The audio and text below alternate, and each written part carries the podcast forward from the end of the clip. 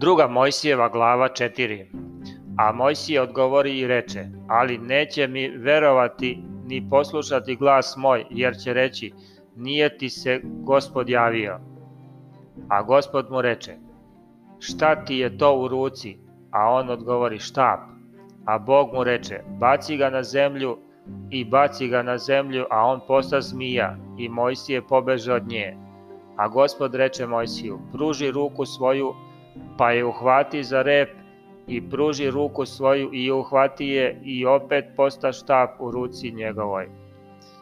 To učini, reče gospod, da veruju da ti se javio gospod Bog, otaca njihovih, Bog Abramov, Bog Isakov i Bog Jakovljev. I opet mu reče Bog, gospod, turi sada ruku svoju u nedra svoja i on turi ruku svoju u nedra svoja, a kad je izvadi iz nedara, a to ruka mu gubava bela kao sneg. A Bog mu reče, turi opet ruku svoju u nedra svoja i opet turi ruku svoju u nedra svoja, a kad je izvadi iz nedara, a to opet postala kao i ostalo telo njegovo. Tako reče Bog, ako ti ne uzveruju i ne poslušaju glas tvoj za prvi znak, poslušaće za drugi znak. Ako li ne uzveruju ni za ta dva znaka i ne poslušaju glas tvoj, a ti zahvati vode iz reke i prolij na zemlju i pretvorit će se voda koju zahvatiš iz reke i provrći će se u krv na zemlji. A Mojsije reče gospodu, molim ti se gospode, nisam reči čovek, niti sam pre bio, niti sam otkako si progovorio sa slugom svojim, nego sam sporih usta i sporog jezika. A gospod mu reče, ko je dao usta čoveku? Ili ko može stvoriti nemog ili gluvog ili okatog ili slepog? Zar ne ja, gospod? Idi dakle, ja ću biti s ustima tvojim i učinit ću te šta ćeš govoriti. A Mojsi reče, molim te, gospode, pošli onog koga treba da pošaljaš. I raznevi se gospod na Mojsija i reče mu, nije li ti brat Aron Levit?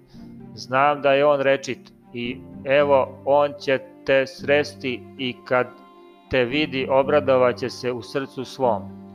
Njemu ćeš kazati i metnućeš ove reči u usta njegova i ja ću biti s tvojim ustima i s njegovim ustima i učiću vas šta ćete činiti.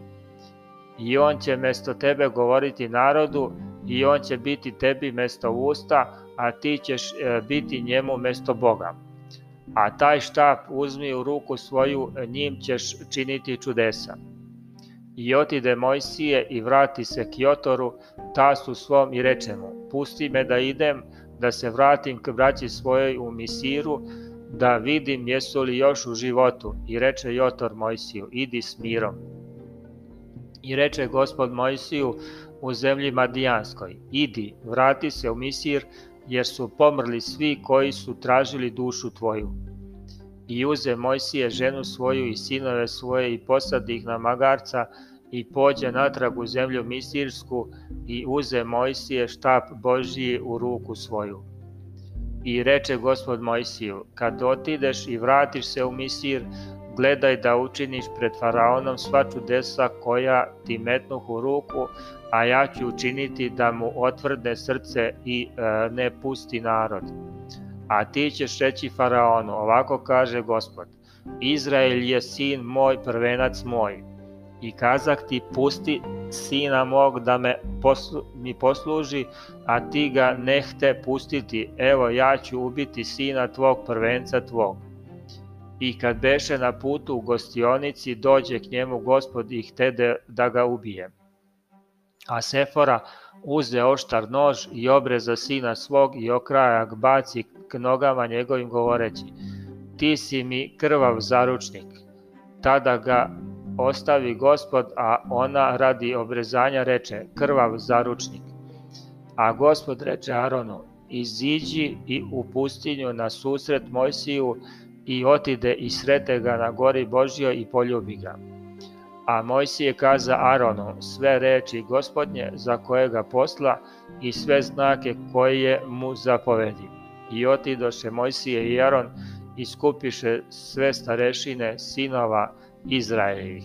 I Aron kaza sve reči koje beše rekao gospod Mojsiju, a Mojsije učini znake pred narodom. I narod verova i razumeše da ga je gospod pohodio sinove Izraeljeve i video nevolju njihovu i savivši se pokloniše se.